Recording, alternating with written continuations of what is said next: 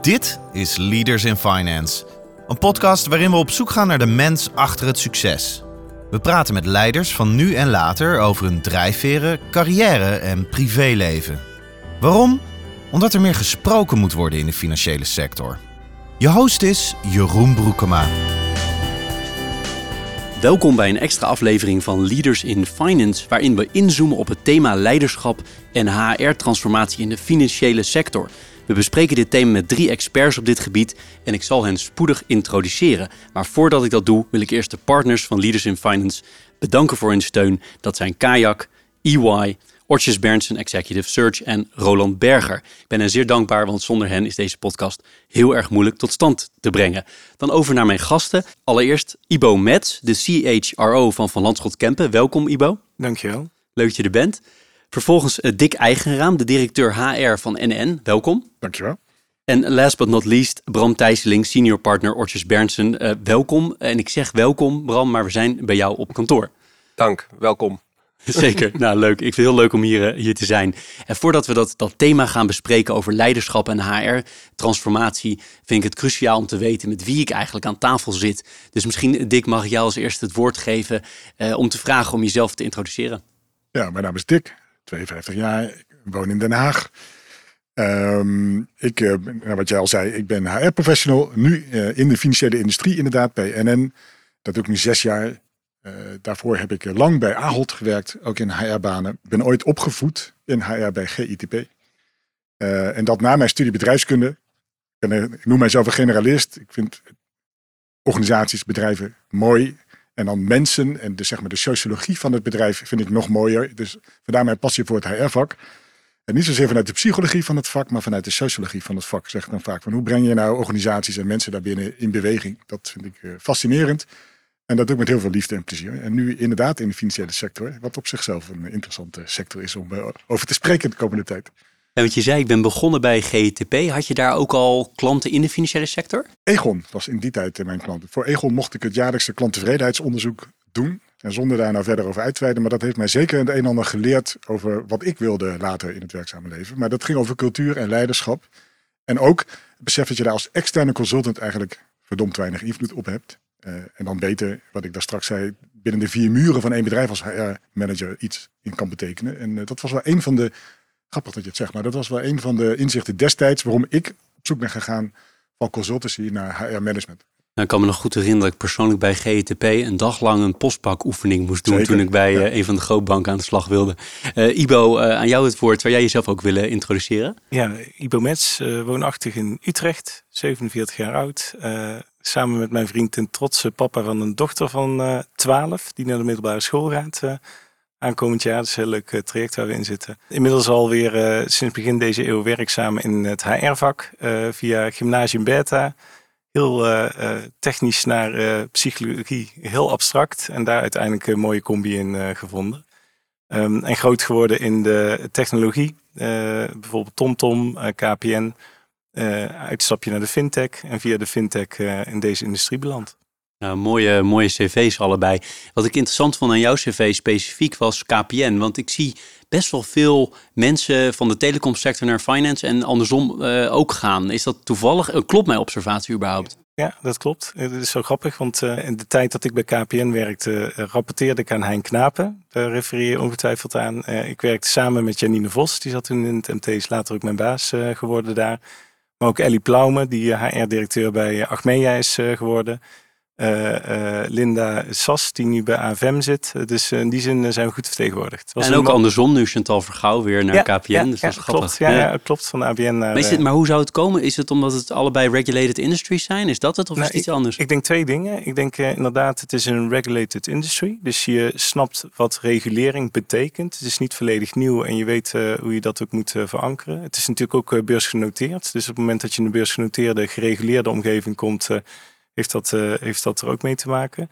En in die tijd zeker. Ik bedoel, ik ben nu weer een tijdje weg, maar als KPN ook echt wel een HR-leerschool. Weet je, als je het HR-vak wilde leren, dan uh, zat je toch vaak... Uh, nou, ook bij Ahold volgens mij ook. Hè. Kijk even naar uh, buurman. maar KPN was ook zeker Unilever. Had je een aantal bedrijven. Wil je het HR-vak echt goed leren, ga je daarheen. Dus ik denk dat het gewoon een hele goede lichting is geweest. Ja, ken je dat, Dick? Zeker, ja. ja. Ik zou ook dezelfde namen noemen, zeker. Ja. Nou, voordat ik in een heel gesprek hierover kom, wat over zo interessant is, gaan we wel de introductieronde even netjes afmaken. Bram, uh, zou jij jezelf ook willen introduceren? Jazeker. Bram Thijsseling, 44 jaar, uh, getrouwd, twee kinderen van 8 en 10. Dus de middelbare schoolperikelen die komen er over een paar jaar aan. Ehm, nou, welkom hier ook bij Ortjes Berndsen. dank dat jullie op deze uitnodiging zijn ingegaan. Ontzettend leuk. Uh, mijn achtergrond ligt eigenlijk helemaal niet aan de HR-kant. Uh, dat is het wel geworden, die passie, uh, in de laatste zes jaar dat ik bij Ortjes Berndsen zit. En eigenlijk komt dat doordat ik heb gezien de impact die je kan hebben als headhunter op carrières van professionals. En ik heb er bij mezelf gezien dat je door een overstap op een gegeven moment een, een ambitie en een potentie waar kan maken in een andere omgeving. En dat probeer ik eigenlijk te bewerkstelligen bij de searches die wij doen en de mensen die wij plaatsen. Dat zijn allemaal professionals, hebben allemaal ambitie, hebben allemaal potentie. En hoe kan je dat in een andere context nog beter tot zijn recht laten komen? Want ze hebben allemaal succes, maar dat kan ook in een andere omgeving. En daar proberen wij aan bij te dragen. Dus, eh, want ik herken wat jij zegt, Dick, vanuit de externe consultancy bij EY. Wat een fantastische leerschool was waar ik hiervoor zat. Um, maar is dat toch organisatiebreed meer management consulting. En hier is die impact op individueel niveau. Uh, dat, dat is erg mooi. Ehm, dus daar sta ik elke dag voor op om, om aan bij te dragen. En in de financiële sector, omdat ik dat gewoon een hele mooie sector vind.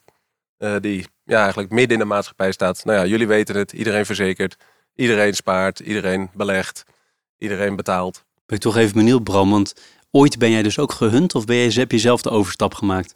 Uh, ooit ben ik ook gehunt, ja. Ja, eigenlijk door Ortjes Berndsen. Op zich heb ik uh, ja, twee werkgevers gehad. EY hiervoor en nu Ortjes Berndsen sinds de laatste zes jaar. En dat is uh, ja, ook uh, via een headhunting procedure geweest. En heb je er nou heel veel aan dat je veel met die financiële sector werkte? Is dat zoveel makkelijker om dan, ik kan me zo voorstellen in ieder geval, dat het zoveel makkelijker is om mensen het gesprek aan te gaan? Ja, nee, zeer zeker. Dus ik zat bij EY ook altijd in de financiële sector, bijna 16 jaar dan ken je het wel inside out. Uh, dan ken je alle processen, alle procedures, dan ken je wet en regelgeving. Dus dan kan je zowel over die inhoudsas uh, adviseren als over de persoonlijke as en de, en, de, de leiderschapsas. Toen ik dit gesprek zat voor te bereiden, toen dacht ik eigenlijk wat raar dat ik nooit een ronde tafel heb opgezet over leiderschap. Want ik heb 135 CEO's, ministers, toezichthouders en, enzovoort mogen interviewen. We hebben het nooit over leiderschap gehad. En ik haal daar allemaal rode draden uit als ik zo allemaal terugdenk aan al die gesprekken. Maar laten we eerst eens beginnen met leiderschap. Hè? Het heet ook Leaders in Finance, maar wat is het eigenlijk? Want ik weet het eigenlijk helemaal niet. Wat is leiderschap? Hoe, waar, hoe kijk jij ernaar, Dick? Nou, dat is bijna een filosofische vraag. Want je zou leiderschap natuurlijk kunnen koppelen aan een rol. En dat wil zeggen dat als je uh, een managementpositie hebt, dan ben je manager, CQ leider. Daar, zitten ook nog verschillen tussen. Maar je zou ook kunnen zeggen dat leiderschap iets is wat in ons allemaal zit. Um, en dat we allemaal zouden moeten tonen uh, in ons werkleven, in ons persoonlijk leven. Maar laten we zeggen, voor nu zou ik me dan focussen op het leiderschap wat gekoppeld is aan rollen. Met andere woorden, mensen in onze organisaties die uh, betaald worden om een leidende rol te vervullen. Uh, en, en leiden is, is zoiets als voorgaan. Um, en ik kan er heel veel woorden over zeggen, maar voor mij associatie is vooral voorgaan in veranderingen die in deze sector natuurlijk aan de orde van de dag zijn. Dat, dat, dat is mijn eerste associatie met leiderschap voor de context van deze tafel. En wat ik vaak hoor is dat uh, leiderschap met name heel duidelijk wordt op het moment dat het echt even slecht gaat, als er crisis is. Herken je dat? Ja, en ik, dat herken ik. En ik zou bijna geneigd zijn te zeggen, dat zijn de makkelijke momenten. Althans, makkelijk. Dan kan je leiderschap tonen. Hè. Moet je er wel gaan staan natuurlijk. Of moet je op gaan staan. Je zou kunnen zeggen, leiderschap in tijden dat het heel goed gaat. Uh, en ervoor zorgen dat het goed blijft gaan of nog beter wordt.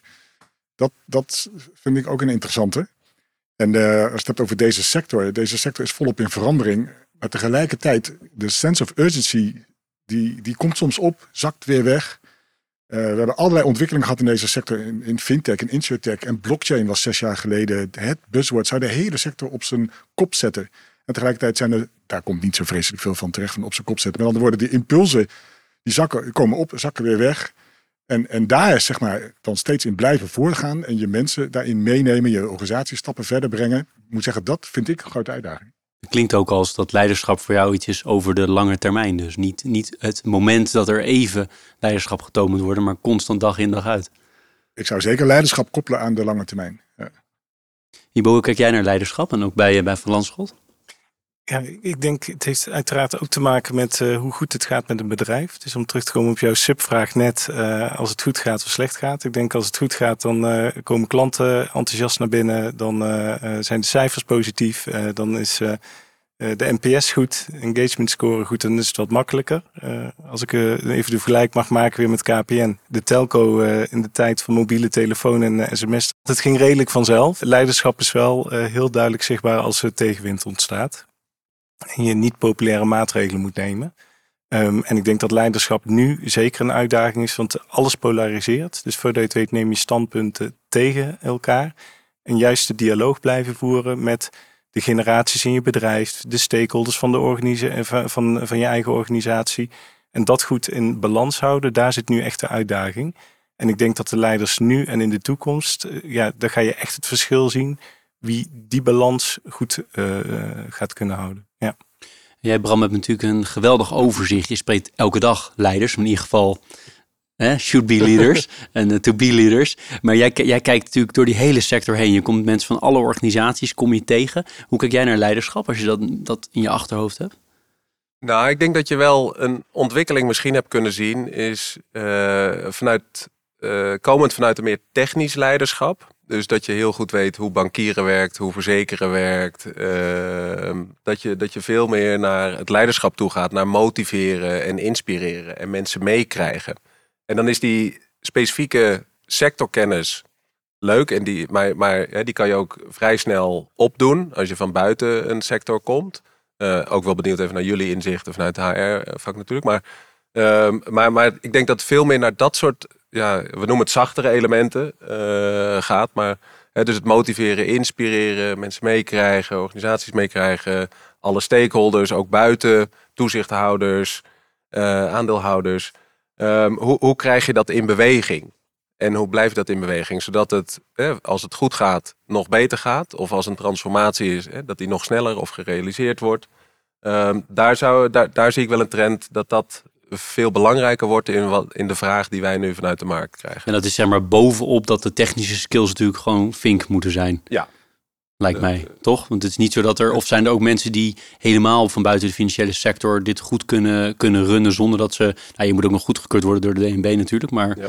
Hè, dus ik weet niet hoe jij er naar kijkt, maar zou dat nog kunnen? Dat je ook leiders hebt die echt helemaal aan de stakeholderkant, of zeg je nee, dus altijd die technische basis? Ehm, ik zou verwachten een bepaalde technische basis wel. Alhoewel er zijn natuurlijk uh, uitzonderingen op de regel. Uh, dat dat ook van buiten de sector, uh, zeker nieuw in de sector kan. Kijk, als dat in een executive committee of in een management team of een raad van bestuur, als het al aanwezig is, die technische kennis, dan, dan kan je daar, noem het iets meer risico hebben dat iemand dat minder heeft. als je bijvoorbeeld voor een grote transformatie staat en iemand heeft bewezen kennis en kunde op dat vlak. Ja.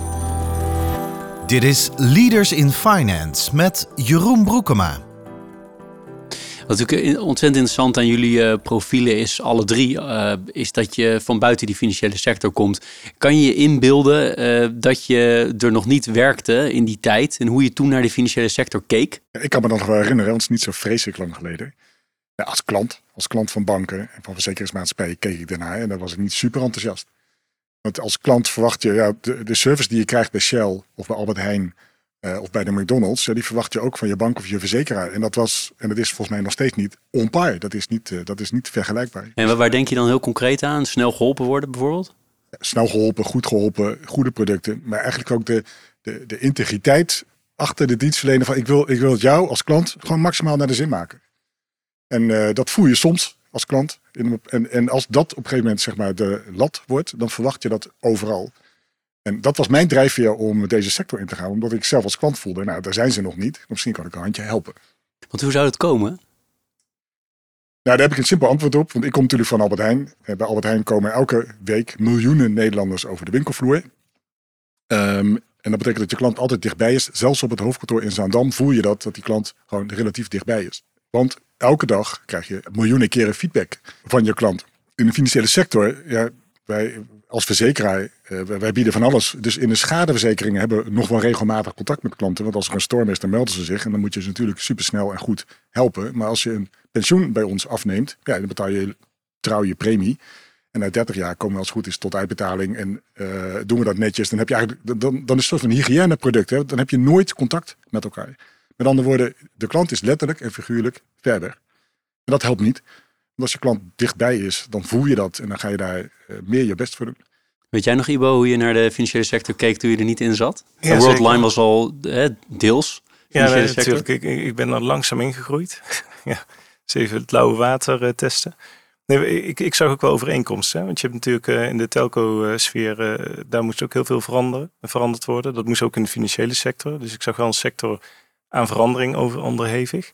Um, wel de periode dat ik natuurlijk uh, meer een senior professional werd, is wel de periode ook dat die financiële sector in een negatief daglicht is komen te staan. Dus, uh, uh, en ik had wel eens met vakbroeders of zusters contact die in de financiële industrie werkten.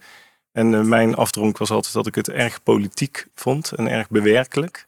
Ik dacht altijd, ja, kun je daar nou echt iets voor elkaar krijgen op, op het HR-vlak, wat mij wel lukte bij andere bedrijven. Um, uh, ja, fintech vind ik uh, toch echt anders. Weet je, mensen zeggen wel eens, het is te vergelijken. Misschien is het ook wel een beetje welke sector je van de fintech is. Een breed, breed begrip. Maar dat vind ik, vind ik toch een andere manier, manier van werken. toen ik erin terecht kwam, um, ja, ik heb me heel erg verbaasd bij Van Kempen. Ze hebben me wel echt naar binnen moeten hengelen. Ik was niet direct overtuigd. Dus uh, ze hebben goed hun best gedaan. Maar dan zie je toch echt wel dat er ook een eh, heel duidelijk technologie-stuk is. Hè. Je ziet ook in die financiële industrie echt die technology. Dat is, dat een enorme pijler onder het businessmodel. Dus dat is leuk. Er is ook echt een behoefte tot verandering. En als je de fit hebt met de organisatie, dan kun je ook die ruimte creëren voor jezelf om die impact te creëren. het is wel bestuurlijker, vind ik, dan waar ik vandaan kom. Dus het is ook doordat het gereguleerd is, heb je meer een formelere board. Je hebt gewoon een aantal eh, regels en daardoor uh, uh, oogt het wel eens alsof de afstand tussen boards in de sector en de werkvloer groter is dan bij andere bedrijven. Ik denk dat dat wel een struggle is. waar je ook kijkt. Als ik dat vergelijk met anderen, dan zie ik daar wel echt een opportunity om die gap te closen. En om nog meer en dichter bij die werkvloer te staan. Ja. En dan heb je ook voorbeelden van dingen waarvan je zegt bij, je hebt onder andere bij, bij TomTom Tom gewerkt. Eh, ik noem maar wat, maar waarvan je zegt, daar kan de financiële sector mooi van leren? Uh, ja, ik noem het even gewoon het pilot denken, even iets uitproberen. Uh, ja, die ruimte is er gewoon meer in een tech. Hè? er zit toch een bepaalde mate van risico-awareness in de financiële sector. Dat je zegt, ja, wacht even, maar als we dat uitproberen, wat kan dan het effect zijn? Overzien we dat effect en kan dat reputatieschade, interne schade tot, tot lievers? Er zit toch wel. Uh, en soms moet je het ook gewoon even durven. Hè? Dus uh, dan zoek je maar een afdeling waar dat wel kan. Nou, we hebben gelukkig veel techneuten inmiddels ook bij Van Landschot. En dat is natuurlijk een dankbare proeftuin voor een nieuw beleid of een nieuwe manier van werken. En daar zijn we ook met agile werken, een andere manier van recruteren. daar starten we vaak en dan worden mensen enthousiast en dan krijgen we een beetje olie, olievlek. Dus je kunt er ook wel handig mee omgaan. En Bram, jij werkte bij EY hè? en je, je werkte wel veel met die financiële sector, maar hoe keek je ernaar voordat je zeg maar, alleen nog maar met de financiële sector werkte, ook wel als dienstverlener nog steeds, maar toch? Meer vanuit persoonlijke aard dat ik op een gegeven moment op een plitsing stond qua carrière uh, en dat ik dus een beetje in twijfel was. Ja, ik werk nu eigenlijk 16 jaar voor de financiële sector als, als dienstverlener. Wil ik er eigenlijk in werken? Dat trok mij niet. Uh, ik heb bewust uh, voor een, een, uh, een, industrie gekozen, consultantsrol of een adviserende rol aan de sector. Omdat ik die afwisseling zo leuk vind. en in het in verschillende keukens kijken. Dus ik persoonlijk zeg ik van, ehm, ja, sprak dat toen niet aan om, om in die sector te werken. Ehm, kijk ik daar nu anders naar? Jazeker. weet je, want ik, ik zie misschien nog wel meer dan toen, zeg maar, mensen in die sector die heel hard bezig zijn met die verandering. Uh, en dat vind ik heel leuk. En zeg van, nou, zou ik dat ook leuk vinden? Ja. Uh, nu, nu is dit mijn pad, dus dat is even het, wat ik zeg, het persoonlijke verhaal. Wat ik eigenlijk de, de vraag die ik aan, aan Dick en Ibo zou willen stellen is van... Verandering komt nu een, een, een, paar keer terug, zeg maar, in, het, in de tijd dat we aan het spreken zijn. Hoe proberen jullie die verandering te bewerkstelligen? Dat, uh, daar ben ik dan wel benieuwd. Want je, je hebt invloeden van buitenaf, van andere sectoren. Uh, je ziet een risico-averse sector. Um, en, en hoe krijgen we die durf in de sector? Of hoe krijgen we die verandering bewerkstelligd? Ja, ik weet niet zozeer of het meteen durf is. Uh, wat, wat wij veel doen nou binnen Landschot Camp is vooral de voordelen van doorpakken. Nou, wat bedoel ik daarmee?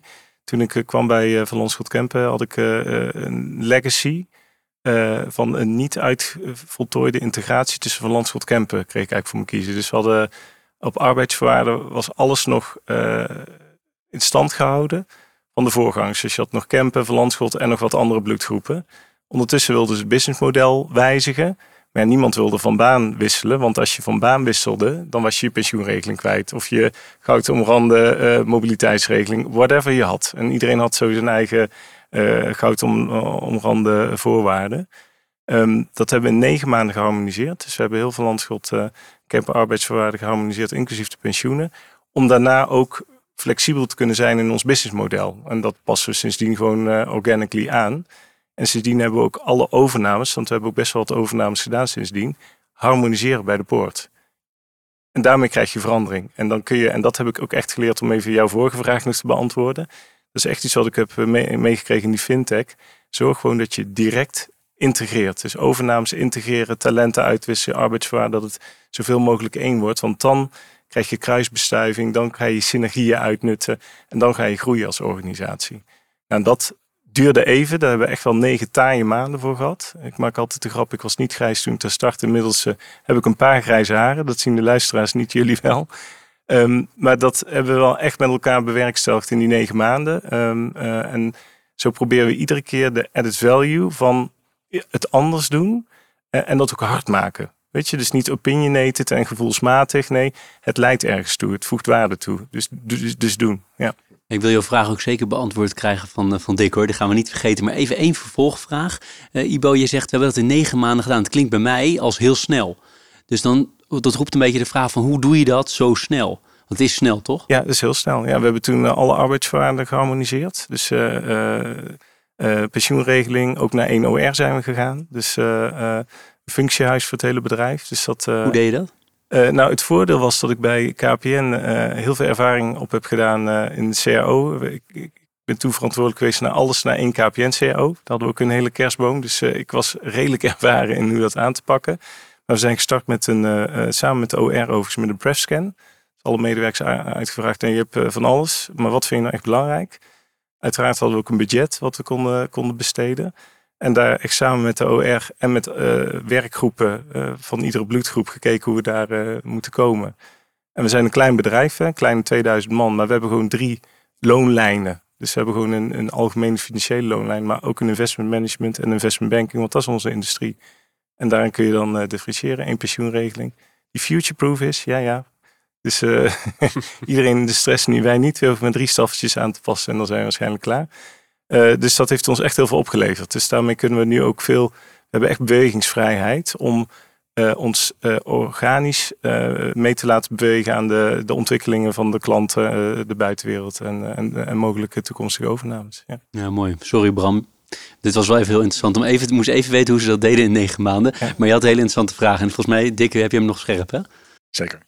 Ja, dus uh, mijn persoonlijke antwoord is, hoe ik daaraan bijgedragen heb, is ja, ik praat heel veel over de klant. Als ik een podium mag staan, dan probeer ik altijd in mijn verhaal de klant, dus de consument die onze producten afnemen of de zakelijke klanten die onze producten afnemen. En ik, en ik koppel mijn verhaal altijd daaraan. Uh, dus ik doe, laten we zeggen, ik probeer de ramen open te zetten, buiten naar binnen te brengen. En het grappige is dat die mensen die dan naar me luisteren, althans ik hoop dat ze luisteren. De HR-baas die over de klant praat, dat is wel raar. Uh, dan moet ik er misschien eh, zelf ook wat mee. Nou, dat. Hè, dus het voorbeeld geven zou je kunnen zeggen. Uh, en misschien een hele interessante, of een leuke koppeling, ook met jouw verhaal over, over integratie. Maar ik was een maand in dienst bij NN toen de overname van Deltaloid werd aangekondigd. En toen was ik HR-baas van schadebedrijf. En NN-schade was bijna, was net iets groter dan Deltaloid-schade. Met andere woorden, dat was niet een overname. Althans, hebben we het niet aangelopen. We hebben dat als een samenvoeging van twee gelijkwaardige partners benaderd. En vanuit leiderschapsperspectief, even uh, zonder heel veel waardeoordeel, maar het leiderschap bij NN zag ik was meer inhoudsgedreven. Daar zaten managers die zeg maar expert waren geweest en in, in hun vakgebied een mooie ontwikkeling hadden doorgemaakt. Op een gegeven moment uh, de baas mochten worden van een team. Met alle kwaliteiten die erbij horen, maar natuurlijk ook de manco's daarbij. En bij Deltaloid zag ik juist het leiderschap wat, wat ondernemender was. Wat meer met lef en wat meer mensgericht. En Je zou kunnen verwachten, nou, NN neemt Deltaloid over. Uh, dan benoemen we allemaal NN-managers, die worden eindverantwoordelijk. Hebben we niet gedaan. We hebben dat heel bewust gemeng, gemengd. Dus zowel Deltaloid-managers op stoelen gezet als NN-managers. En dat is één voorbeeld van hoe je in de vorm van leiderschap en de juiste mensen op de juiste plek iets in beweging kan gaan zetten. En hoe belangrijk is het om het heel erg strak aan te sturen? zo gaan we het doen. We gaan mensen daar wisselen. We gaan uh, X, Y, Z harmoniseren op pensioengebied bijvoorbeeld. Kijken van de IBO. Versus met iedereen praten, iedereen invloed geven, iedereen meekrijgen en dan pas echt door. Want even twee uitersten, maar uh, waar zit het? Dat vind ik altijd heel interessant. Want ik heb altijd mensen die zeggen: nee, dit moet je gewoon even echt vrij militaristisch aanpakken. Duidelijkheid voor iedereen. Bij zo'n, bij, zo'n, bij jullie allebei, bij hele grote transformaties. Versus praten, zorgen dat iedereen langzamerhand meekomt in het verhaal, draagvlak bouwen enzovoort. Ja, ik geloof heel erg in, uh, je begint met het eerste. Je begint gewoon met een hele geregisseerde aanpak. En als je mensen daadwerkelijk doet samensmelten. Wij hadden ook een, eh, een, een, een programma, wat we ook een samensmeltprogramma noemden.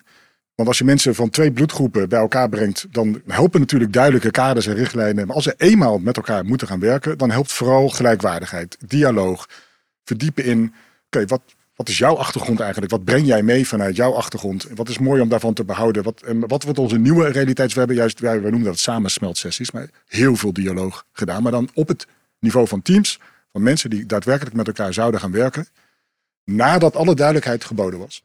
dat is mooi. mooi. Mooi hoe je hem eigenlijk dus eerst de militaristische aan, aan tussen aanstekens aanpakken en daarna. Is dat bij jou ook zo, bij die transformatie die je net beschreef? Ja, we hebben zeg maar per onderwerp ook een klankgroep. Vanuit iedere business line, dus de bloedgroepen, de drie bloedgroepen die we hebben, hebben vertegenwoordigers uh, geselecteerd. Uh, uiteraard voor input en toetsen, uh, maar ook wel doorpakken. Want uh, als je kijkt naar de cultuur van Verlandschot Kempen, een van onze values is persoonlijk. Uh, dus we zijn uh, daardoor ook altijd heel betrokken. het zijn allemaal heel hoog opgeleide mensen. Die hebben ook verstand van alles, vooral van het HR-vak. dus op een gegeven moment moet je ook door. Dus het is belangrijk om wel alle input te verzamelen. En dan op een rij te zetten, de plussen en de minnen te vergelijken en dan een besluit te nemen. En ik denk dat dat in het verleden te weinig is gebeurd op HR. Daar was heel veel wildgroei en had je allemaal legacy en een hoop toestand. En was het ook al heel inefficiënt en foutgevoelig een gegeven moment moet je wel keuzes maken en dingen kunnen streamlinen. Uh, en dan kun je ook echt dingen gaan verbeteren. Je luistert naar Leaders in Finance met Jeroen Broekema. Wil ik het met jullie gaan hebben over beloningsbeleid. En niet uh, of uh, beloningen hoog of laag moeten zijn, maar met name gekoppeld aan het behalen van doelen van de, van de top, even in dit geval, van de, van de leiders, de, de topmanagers, CEO's. Uh, bijvoorbeeld gekoppeld aan duurzaamheidsdoelstellingen.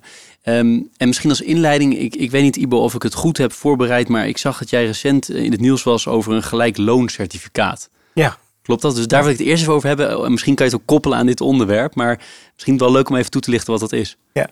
Nee, wij hebben als een van de eerste bedrijven een gelijk looncertificaat uh, verkregen. Dat klopt. Uh, we hebben nu drie jaar op rij een equal pay analysis uitgevoerd.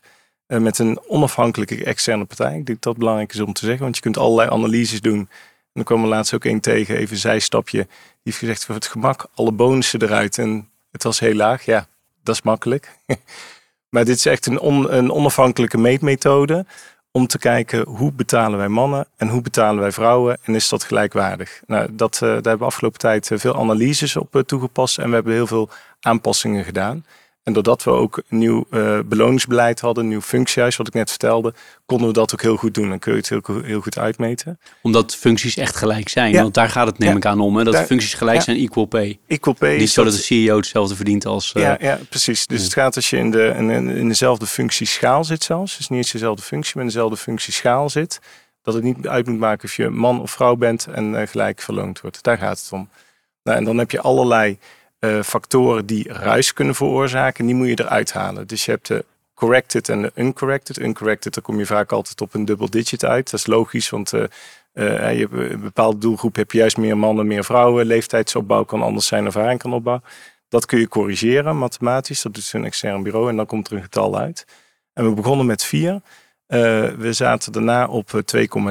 En zojuist in de boord hebben we gezien dat we iets boven de 3 terug zijn gezakt. En dat is een heel interessant iets. Dus dat, uh, dan zie je dat je iets aandacht geeft. Uh, dan zit het in een projectmatige fase. Krijgt heel veel aandacht, dan passen ze het aan. En wat we nu hebben gezien, maar dat is ook interessant, omdat je drie keer doet, zie je de onderliggende eh, drivers snap je beter. Zie je dat mensen toch biases hebben in ons bedrijf, de managers. Waardoor toch weer op promotie, op Ah, bonus. heel interessant. En dan Dus, zie je ja. En daar heb je eigenlijk die drie jaar nodig voor gehad om te snappen wat bij ons de key drivers zijn. En bij ons is het echt promotie, bonustoekenning eh, eh, en, eh, en tussentijdse verhogingen. Dat zijn eigenlijk de drie, de, de drie drivers voor die. ehm, en dat is ook te verklaren, want in de hoeken van investment bank en asset management, waar wij relatief grotere bonussen mogen geven, ook, hè, dat is, ja, daar zitten vakmatig ook weer net iets meer mannen. Dus dat, dat, dat hoeft maar net één of twee mensen wat te hebben. En dat heeft een enorme, ja, het zit modelmatig, krijgt het een enorme impact eh, zeg maar op je, op je IQP. Dus we zijn eh, ja, ook weer iets terug bij af, ook weer geleerd. Eh, en wat we nu daardoor kunnen is door die drivers kunnen we, hoeven niet te wachten tot achteraf de conclusies te trekken, maar kunnen we veel beter vooraf flaggen. Dus we hebben nu in onze HR data dashboards, kunnen we eigenlijk bij tussentijdse promoties, bij eh, mid-year scores, bij, kunnen we eigenlijk al signalen afgeven. Ja, nou beste Jeroen, als jij dat doet in jouw team, alles leuk en aardig, vast eh, hebben ze de, klanten fantastisch geholpen, maar als je het zo toepast, heeft het een negatieve impact op jouw equal pay contribution. En dan kun jij het nog heroverwegen, van heb ik het dan wel ver gedaan, ben ik niet biased? Kan ik even met mijn HR business partner erover sparren. Ja, want dat, dat raakt precies het onderwerp waar ik het over hè. Namelijk de, de, het beloningsbeleid koppelen echt aan doelen. Ja. Dus jij gelooft daar heel erg in? Ja, ja. ja in financiële en niet-financiële. Eh, we hebben ook heel veel eh, afgelopen, ook afgelopen vier jaar, heel veel niet-financiële doelen opgenomen in het jaarverslag. ook eh, een, een lijst financiële doelen. Waar denk je dan aan? Eh, Niet-financiële dingen? Eh, heel veel eh, eh, employee engagement gerelateerde vragen. Dus de algemene employee engagement score, de EMPS. Dus eh, promoten mensen onze, ons bedrijf als aan- aantrekkelijke werkgever. Maar ook zaken als eh, hoe wij met onze values omgaan, eh, eh, integriteit, dat soort zaken. Dus we hebben allemaal subvragen eruit. Het zijn objectieve vragen, die worden door de hele wereld gebruikt. En dan kun je benchmarken. En we willen altijd boven de benchmark zitten. Het is heel simpel. Dus het hoeft niet ieder jaar omhoog, want op een gegeven moment kun je niet hoger. Engagement scoren. Wij willen iedere keer zorgen dat we boven de benchmark zitten. En dat doen we consequent. En die vertalen we ook door naar onze senior leaders. Dus zo'n, we hebben ook R&D-KPI's opgenomen in ons beleid. Eh, dus dat is equal pay en de man-vrouw verhoudingen die wij eh, eh, op orde willen hebben in onze organisatie. En die vertalen dan ook door naar het niveau eronder. En dat is het spannende niveau. Dus die boord is wel om. Die, maar dat niet enkel en alleen hè, je NPS en je financiële, maar ook andere targets veel meer geactiveerd worden in, in de business. Dat is echt de fase waar we nu in zitten. Maar hebben mensen het nodig om daarvoor beloond te worden? Of moeten ze meer overtuigd worden? Nou, het is denk ik een combinatie. Eh, uiteindelijk wil je mensen belonen eh, dat ze hun werk goed doen. Eh, en hun werk goed doen is niet alleen maar financiële performance. Dat is een, een ronder beeld van performance en een succesvolle bedrijfsvoering. Compliance, daar, doe je ook veel op, is heel belangrijk. Risk is heel belangrijk. Je non-financial targets, eh, sustainability ook een belangrijke target. Dus al die targets hebben wij inmiddels in, scorecards en in KPI's. En daar reviewen wij eh, de business op. Eh, we zijn natuurlijk een industrie waarin ja, een monetair gedreven industrie, eh, niet voor onze top, maar wel in, de, in de business lines, in de commerciële business lines. Maar dan moet je het niet enkel en alleen financieel maken. Dan moet je ook zorgen dat die anderen, vanuit compliance tot risk, tot ESG, tot, eh, tot inderdaad R&D, dat dat ook in verweven is. Straks ook aan jou vragen, Bram. Eerst naar Dick. Ehm, Dick, hoe kijk jij ernaar? Beloningsbeleid gekoppeld aan doelen behalen. Nou, voor mij is de volgorde der dingen net andersom. Ik geloof heel erg in doelen stellen. Dat je mensen van hoog tot laag duidelijk maakt waar ze voor opgesteld staan. En dat moeten vooral gedifferentieerde doelen zijn. Natuurlijk financieel, klant, mens, eh, duurzaamheid. Dus gedifferentieerde doelen. Maar dan zou ik ook andere incentives daaraan kunnen koppelen. Met name ontwikkeling en of jij progressie kan maken in je vakgebied en in je, in je professionele ontwikkeling. Wat, wat ook gekoppeld kan zijn aan doelen. Ja, ja. Eh, Bram, hoe kijk jij ernaar? Beloningsbeleid en doelen. Nou, ik zie daar wel eh, eigenlijk dat bedrijven daar steeds breder mee bezig zijn. Dus eh, eigenlijk hè, wat, wat jullie ook al schetsen, is dat het niet meer puur alleen de financiële doelstellingen zijn. Wat ik wel zie, eh, of, of het daarop aanvullend zie, is dat ehm, het purpose en de values, kwam net al even kort ter sprake, maar dat dat ook heel erg belangrijk is voor mensen om op een gegeven moment voor een bepaalde baan of bedrijf te kiezen. En, en dat wordt denk ik misschien nog wel eh, steeds belangrijker. En, en dat is gewoon een generatie-element. Is dat, uh, dat mensen zich er veel meer van bewust worden. En dat komt even terug op jouw vraag. Sustainability, maar leefbare wereld. En doing good, giving back. Dat soort thema's komen veelvuldig uh, terug. En daar zijn we dus wel nadrukkelijk met bedrijven over in gesprek. Van, waarom moeten mensen bij jou willen werken? En dat is niet puur en alleen een, een financieel element. Maar waarom? Uh, wat, uh, wel, welke purpose drijf je en welke values zijn er hier waar mensen uh, zich moeten mee vereenzelvigen? Ja. Ik heb jullie beide CEO's, en wijs ik even naar Dick en Ibo, ook gesproken. En beide vinden de, de duurzaamheidskant die jij net aanhaalt heel erg belangrijk. In ieder geval, dat, dat wordt gezegd. Um, maar gebeurt het, zit het dan ook in al die doelen? Heel concreet verwerkt? Ja, zeker. Ja, nee, dat zit helemaal doorvertaald. Dus uh, je ziet dat, uh, en dat bedoelde ik net met die niet-financiële doelstellingen. Dat het duurzaamheid in compliance. Dus echt uh, gewoon de zaken goed op orde hebben. En je ziet ook, en even koppelend aan jouw eerste vraag, dat je zo ook leiders assest. Dus het is niet enkel alleen maar squeezing the lemon en fantastische resultaten hebben en volgend jaar zien we verder. Nee, je moet de zaak goed op orde hebben. Je, je, team moet betrokken, geïnspireerd zijn. Uh, je duurzaamheidsdoelstellingen uh, bijdrage aangeleverd hebben, uh, compliant zijn, geen grote issues hebben op het gebied van risken. Dat, dat maakt iemand ook een leider. En dat, ja, dan ben je een, een, ronde leider nu in deze industrie, wat ons betreft. Maar ik ben altijd nieuwsgierig naar hoe je dat concreet kan maken, duurzaamheid. Want het is toch ook wel vaak beslissingen die aan de top genomen worden. Al, alhoewel, als het om duurzaamheidsdingen in de organisatie gaat, dan kan wel. Hè, de wat kleinere dingen, het gebruik van papier en minder met de auto en weet ik veel. Maar extern lijkt me het wel lastig om dat echt door te vertalen. Of heb ik dat mis? Nee, uh, nee, denk het niet. Uh, ik denk, uh, dus ik denk dat je het mis hebt. Ja, nee, dat, ik, hoop, ik hoop ook dat ik het mis heb, eerlijk gezegd, als burger. Om het heel duidelijk even te antwoorden. Heel fijn. Nee, ik bedoel, even heel concreet. wij hebben ook echt een product, de groene hypotheken bijvoorbeeld voor klanten. Hè. Ga je dat product in, in, in, introduceren? Hoe wil je dat differentiëren ten opzichte van andere producten? Wij zijn natuurlijk actieve fondsen. Uh, hoe zorg je dat je, je, fondspropositie groen is? Uh, uh, wat is je rol als je investeert naar andere CEO's toe? Dus we hebben de strategie dat we in dialoog willen blijven. Dus wij gaan niet activistisch heel erg mensen of bedrijven uitsluiten, maar wel zeker het gesprek aangaan. En als je dan op een gegeven moment merkt dat, dat er geen progressie is, dan kun je inderdaad een besluit. Maar we starten met het, met het gesprek flaggen dat en verwachten ook dan wel wat. En anders eh, kun je je investeringsstrategie daarop wijzen. Dus er zit wel degelijk, uh, degelijk mogelijkheden. Ja. Nee, ik ben blij om te horen. Ja, bij ons is dat ook heel praktisch te maken. Bijvoorbeeld duurzaam schadeherstel. Het is makkelijker om dingen te vervangen uh, dan om dingen te repareren. Maar repareren is natuurlijk veel duurzamer. Dus wij hebben hele duidelijke doelstellingen om bijvoorbeeld in ons schadeherstel met um, reparatie te werken in plaats van vervanging. Bijvoorbeeld inkomensverzekeringen. Ja, als iemand ziek wordt, dan kun je natuurlijk een laten we zeggen, een inkomen en een uitkering betalen. Maar je kan ook veel meer investeren aan de voorkant om te voorkomen dat mensen ziek worden. Dat is een andere vorm van duurzaamheid. Um, maar ook daar zijn hele concrete voorbeelden van waar je als dienstverlener veel meer kan betekenen. En ik kan me ook voorstellen dat dat ook leidt tot die, uh, tot die purpose uiteindelijk, toch Bram? Dat je, sorry. Ibo, jij wilde... Nee, nee, ik wilde nog even, want ik bedoel zelfs als HR, uh, wij scoorden heel laag op uh, onze duurzaamheidsbeleving. Hè? Dus als je praat over een stukje inspiratie vanuit HR, nee, dat, uh, mijn team vond het helemaal niks. Dus ik heb een keer een workshop georganiseerd. Wat kunnen wij nou betekenen op het gebied van duurzaamheid?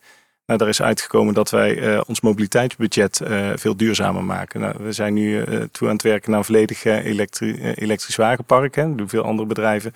iedereen een mobiliteitskaart, zodat je, waarbij we groene kilometers meer vergoeden. Dus dat is ook een belangrijke incentive. En we zijn nu bezig en dan moeten we de bedragen nog inhangen. Uh, maar ook echt naar een uh, individual personal climate budget. Dus dat je, en dat is niet alleen zonnepanelen voor de mensen die een heel mooi vrijstaand huis hebben. Maar het kan ook zijn de energiezuinige wasmachine, een elektrische fiets, et cetera. Dus, en, en toen we dat hadden bedacht als HR-team, zag je meteen ook bijvoorbeeld die vragen op het gebied van hè, duurzaamheid doet wat voor mij. Die zag je verdubbelen. Want dan bedenk je wat jij met jouw vakmanschap kan betekenen aan de organisatie uh, en de duurzaamheid. En ik denk dat dat uiteindelijk een uh, leuke exercitie is om voor veel bedrijven en voor afdelingen te doen. Mooi. Ik ben blij dat de CEO's ook echt uh, niet alleen het zeggen, maar dus blijkbaar, als ik dit nu zo hoor, ook echt doen. Dit is Leaders in Finance met Jeroen Broekema. Ik hoorde net al een klein beetje discussie op een bepaald moment. Dat vind ik natuurlijk heel erg leuk. Dat begrijp je een beetje discussie. Dus ik ga er een, een stelling in brengen. En dan ben ik benieuwd uh, wat jullie daarvan uh, van vinden. Uh, retention is the new hiring. Maar leiders in de financiële sector zijn onvoldoende in staat om talent te laten doorgroeien en te behouden voor de organisatie. Als ik te snel las, moet je het zeggen. Dan ga ik hem nog een keer lezen. Maar ik zie jullie knikken. Dikke, jij zit al heel driftig te knikken. Dus beter mee eens. Een hele interessante stelling. Kijk, we zijn een krimpende sector. Dus uh, vooropgesteld, je kan niet iedereen binnenhouden. Want een, sector die krimpt, ja, dat wordt een smalle piramide. Zeker dus als je uh, opwaarts kijkt. Er zijn steeds minder stoelen voor mensen die wel graag een, een, stoel in de top willen, willen bezetten. Dus ja, nee, je kan niet iedereen behouden. En tegelijkertijd breder in deze sector vind ik dat wij, ik noem dat verkwisting van talent, dat wij in die krimpende sector afgelopen, nou, ik denk wel tientallen jaren inmiddels, die sector steeds hebben doen krimpen met goede sociaal plannen, maar mensen feitelijk ja, hebben gevraagd, ja, het, het, het gaat stoppen. Uh, en, en succes ermee, we geven je een fatsoenlijk sociaal plan en, en zoek je toekomst elders. Dat, uh, dat vind ik verkwisting van talent. En zeker in deze arbeidsmarkt, waar inderdaad, met je, je Engelstalige deel van de, van de stelling, ja, recruitment is, retaining is, veel belangrijker. Dus het is onze uitdaging om onze mensen te behouden, hun talenten te behouden en die talenten door te ontwikkelen in de richting die we nodig hebben. Nou, dan gaat dan workforce transformation in jargon, uh, maar skills die wij nodig hebben in, uh, in onze digitale realiteit. Dat was al zo, dat, dat wordt alleen maar meer. En ik vind het onze verantwoordelijkheid om dus talenten breed te behouden en te ontwikkelen in de gewenste richting, in plaats van ze te laten gaan, want dat is een hele domme keuze. Ja, want verkwisting van talent zeg je daar eigenlijk ook mee dat je een deel van de mensen moet je inderdaad laten gaan op een bepaald moment in een krimpende, een krimpende sector zoals jij beschrijft. Maar zeg je eigenlijk ook, we zijn niet altijd in staat om de juiste mensen dan te behouden? Dat. Of uh, vroegtijdig duidelijk te maken welke kant het op gaat. Kijk, als, je kunt mensen niet tegen hun zin in ontwikkelen. Maar als wij als werkgever duidelijk maken, onze, onze sector, onze organisatie en wat wij van jou nodig hebben, ontwikkelt zich die kant op we bieden je een pad om, daar, om, dat, om die weg met ons op te gaan. We gaan je daarbij helpen. Dan moet, natuurlijk, dan moet iemand wel bereid zijn om dat te gaan doen. Hè. Dat, uh, maar daar begint het wel mee. Het, begint aan onze kant.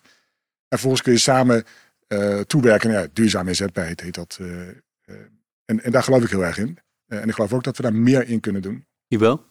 Ja, ik herken, het wel. ik herken het wel. Um, uh, we hebben de mazzel eigenlijk binnen onze sector dat wij groeien. Dus dat is toch een ander, ander verhaal. Dus je ziet dat wij jaar over jaar net groeien. Ondertussen moeten we ook wel vervangen. Je ziet dat we andere skills, uh, skillsets nodig hebben. Uh, een voorbeeld is natuurlijk dat we veel meer data en digital skills binnenhalen. En je ziet ook dat de rol van de financiële expert waar je ook zit, ook veel ronder wordt. Hè? In lijn met de doelstellingen die we net hebben besproken. Dus het is niet sec meer het financiële vakmanschap uitoefenen. Um, toen ik hier eh, startte met werken, zag je een beetje de kramp dat uh, als je een goed team had, bleef je er vooral op zitten. En die wilde u behouden, want het was een goed team. Uh, en die kende de klanten lang, je had lange klantrelaties. dus dan moest je vooral niet aankomen en behouden. Dat was eigenlijk een beetje het gedrag. En uiteindelijk verlies je daarmee talent. Want mensen willen graag doorontwikkelen, willen doorgroeien. Dat was eigenlijk een beetje het dilemma en de uitdaging. Dus het klantbelang en de lange termijn relaties die gewaardeerd worden. En de doorgroeiambitie, zeker van de jongere generatie. Dus dat was een, eh, een dilemma. Uh, daarvoor hebben we wel besloten, we willen meer doorstroom. En we moeten ook niet het schaap met vijf poten iedere keer zoeken. Dus je moet veel meer naar potentieel kijken, wat mensen nog kunnen leren. En zo zorgen dat je loopbaanpaden kan activeren. dat kun je allemaal heel leuk uitspreken als boord en als HR-directeur, maar dan gaat het natuurlijk toch niet vliegen ook hierin, uh, en we hebben heel veel HR-data inmiddels op allerlei dashboards, hebben we gewoon gezegd, nou, we, afgelopen jaar hadden wij 17% van de vacatures ingevuld intern. Dat gaan we volgend jaar op 20% doen. En dat is ook een van de KPI's die de board ook heeft omarmd, ook weer doorgaan. En daar hebben we de dashboards op. En ja, dan gaat het toch leven. Het is toch eens, eh, onze industrie eh, ja, wordt toch vaak wel geïnspireerd door cijfertjes, rood, groen, een vinkje en een, een duimpje. Doet het over het algemeen goed. En dan zie je toch dat mensen daar dan toch ook aan bij willen dragen. En dat, eh, en dat proberen we in die zin ook wel positief uit te netten. Ja. Ik gok dat jij hier ook wel een mening over hebt, Bram. Ja, nee, ik vind het leuk om te horen wat je zegt. Eh, enerzijds eh, vanuit mijn professie mensen van buiten naar jullie organisaties brengen. Dat je zegt, nou, 17% intern van binnen. dan komt er dus 83% van buiten. Dat lijkt van, nou, dat is een businessmodel van te maken. Tegelijkertijd zeg je van, hé, dat is 20%. Ik zou verwachten, nou, dan ga je misschien naar 30 of 40 procent daar echt een challenge zetten. En, en waarom zeg ik het? De, discussie die wij veel hebben is... Succession planning is op het ogenblik uh, echt wel een buzzword. En dat, dat is over de hele sector heen is iedereen daarmee bezig. En er zit natuurlijk een intern element aan van hoe, hoe behouden we ons talent? Hoe ontwikkelen we En, en kunnen we daarin dus eh, flexibel zijn in het verplaatsen van nou, de ene kolom naar de andere. Eh, zodat je eigenlijk wat makkelijker naar de 30 of de 40 procent gaat. En je kan dan succession planning kijken van oké, wat zit er buiten en gaat dat echt iets toevoegen aan onze organisatie? Dat, dat zijn de discussies die ik leuk vind om, om samen in op te trekken. En te zeggen van oké, wat waar kunnen we elkaar versterken en aanvullen in de ontwikkeling of, of talent van buiten. Maar ik ben benieuwd van waarom 20% en waarom zeg je nee, Ja, nou, nee, is dat... het getal heeft natuurlijk te maken met het absolute aantal vacatures. En als Ja. je een groeistrategie hebt en je wil Ja. absoluut groeien, dan, Dan- je kunt niet je groei intern. Nee. Dus dat gaat gewoon niet. Dus, dat, eh, dus je moet een deel is gewoon aanwas wat je nodig hebt om je businessplan te realiseren. Ja. En daarbinnen wil je, en we hebben het wel gedaan, 20%, dat is zonder de startfuncties. Ook Ja. dat. Dus dan is het een eigenlijk niet zo Ja, want op senior niveau zeg je dan, eh, kan ik me voorstellen, je zegt, nou, hè, in een krimpende markt met een grote pool aan talent eh, daaronder. Ja, dan kun je een veel hoger percentage. Ja, Ja. uiteraard. Maar wij zijn groeiend, dus wij willen absoluut groeien. En daarbinnen wil je dan 20%. En dan kijken we niet naar de startfunctie, want dat zijn sowieso mensen van buitenaf. Ga ik nog één hele basale vraag eh, stellen over dit onderwerp, over retention is de new hiring. Wa- Wat is nou uiteindelijk voor de grootste groep, hè, dus even geen uitzondering, maar even heel stereotyp, voor de grootste groep het belangrijkste als het gaat om blijven bij de werkgever? Hele basale vraag, maar ik ben gewoon nieuwsgierig hoe jullie daar naar kijken. Dat is echt niet één pasklaar antwoord, want dat verschilt echt tussen generaties bijvoorbeeld eh, en doelgroepen. Maar we zitten hier op de Zuidas. Laten we zeggen, hier is work hard, play hard, is een soort van bovenliggend motto. Wat wij zien, wij zijn best succesvol in het recruteren van, eh, van data, tech, AI mensen.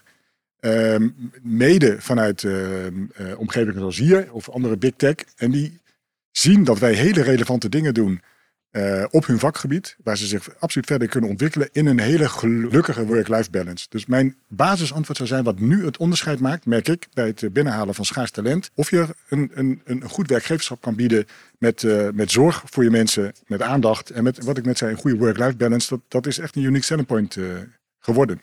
Interessant.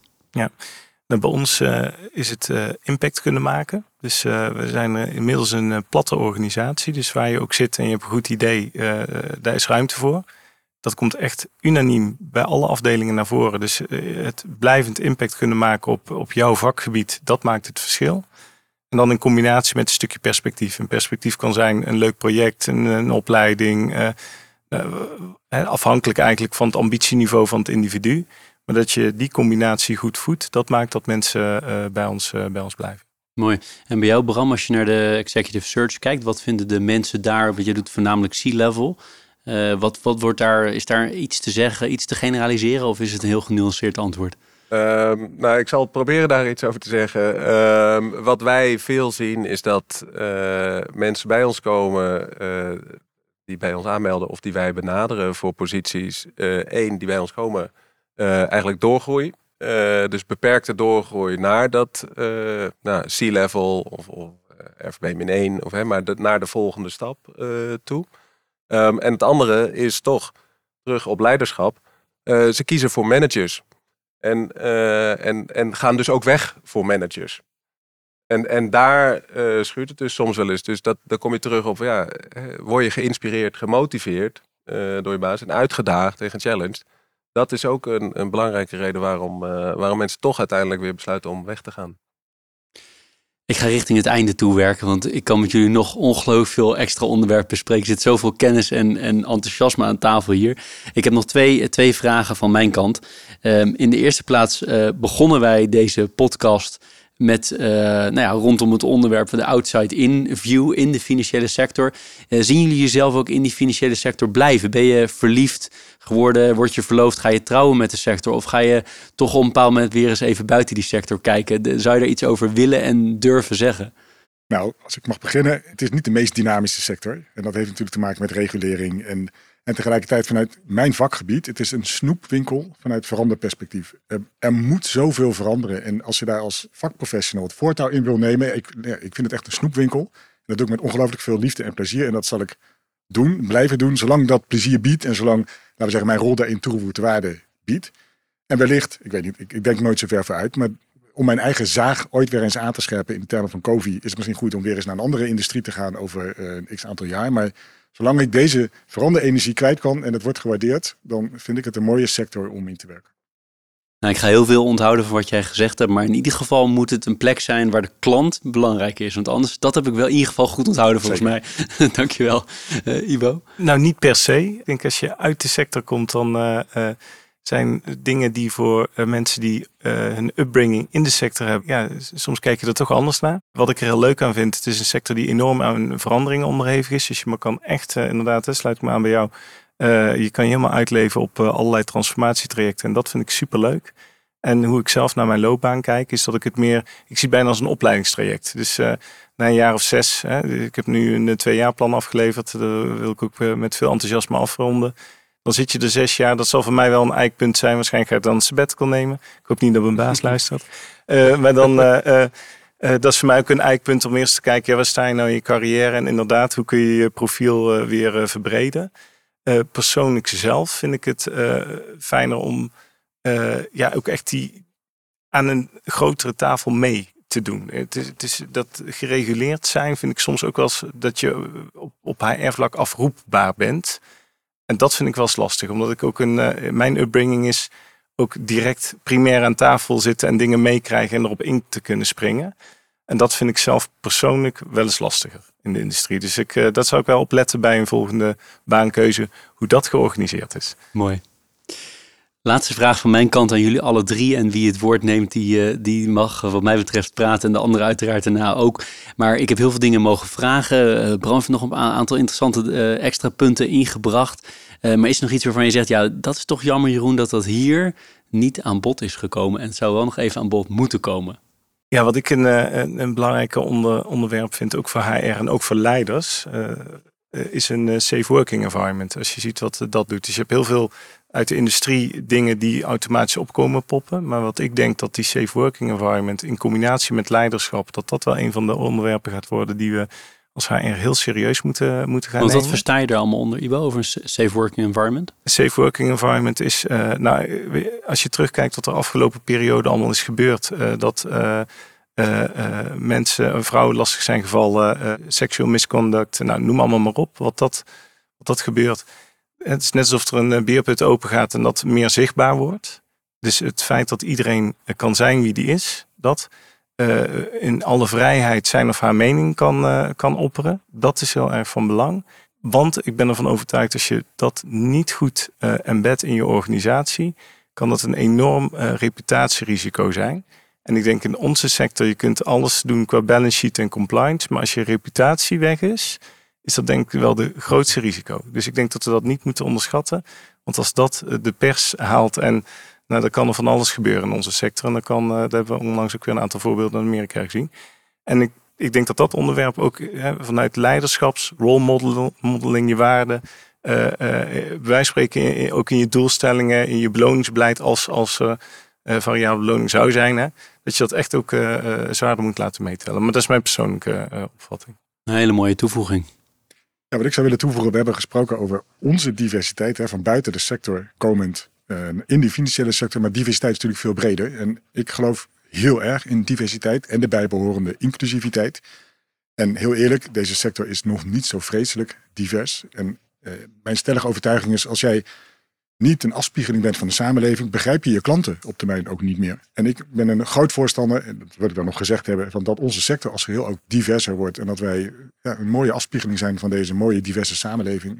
Want het is goed voor onze klanten en het is goed voor ons en onze interne cultuur. Ja, mooi. Twee prachtige toevoegingen. Bram. Um, ja, als laatste eigenlijk. Uh, ik word eigenlijk ontzettend enthousiast van jullie verhaal en, en alles wat jullie hebben gedeeld. Uh, dat ik zou zeggen van nou, als ik nog eens een carrière stap zou overwegen. Dan zou ik eigenlijk misschien moet ik mijn mening toch wat bijdragen. Dat ik zeg van nou, dan zie ik best wel een, een kans om in die sector, als ik aan dit soort transformaties bij mag dragen en die mag realiseren. Ik denk ja, dan, dan heb je ook echt zichtbaar impact op organisatie, op mensen. Uh, dat vind ik super gaaf. Dus mocht ik nog een keer uh, zelf uh, iets anders willen, dan, zou, ga ik dit zeker overwegen na dit verhaal. Mooi, waar een podcast niet allemaal toe kan leiden. Uh, Ibo Metz, uh, CHRO bij Van Landschot Kempen, Dick Eigenraam, directeur HRNN en Bram Thijsseling, senior partner bij Ortjes Berndsen. Heel hartelijk dank alle drie voor jullie tijd en voor al jullie inzichten die jullie gedeeld hebben. Ook heel open gedeeld hebben, heel erg leuk. Ik wijs er nu naar eh, kunnen luisteraars niet zien, maar ik heb een klein bedankje voor jullie meegenomen voor al die tijd die jullie eh, gestoken hebben in Leaders in Finance. Dank jullie wel. Graag gedaan. Graag gedaan. Dit was Leaders in Finance. We hopen dat je deze aflevering met veel plezier hebt beluisterd. We stellen je feedback erg op prijs. Wat houdt je bezig en over wie wil je meer horen? Laat het weten in een Apple of Google review. Dat kan ook via de sociale mediakanalen of direct via een e-mail. We kunnen het enorm waarderen als je dat doet. Tot slot danken we onze partners voor hun steun. Dat zijn Kayak, EY, Otjes Berndsen Executive Search en Roland Berger. Bedankt voor het luisteren.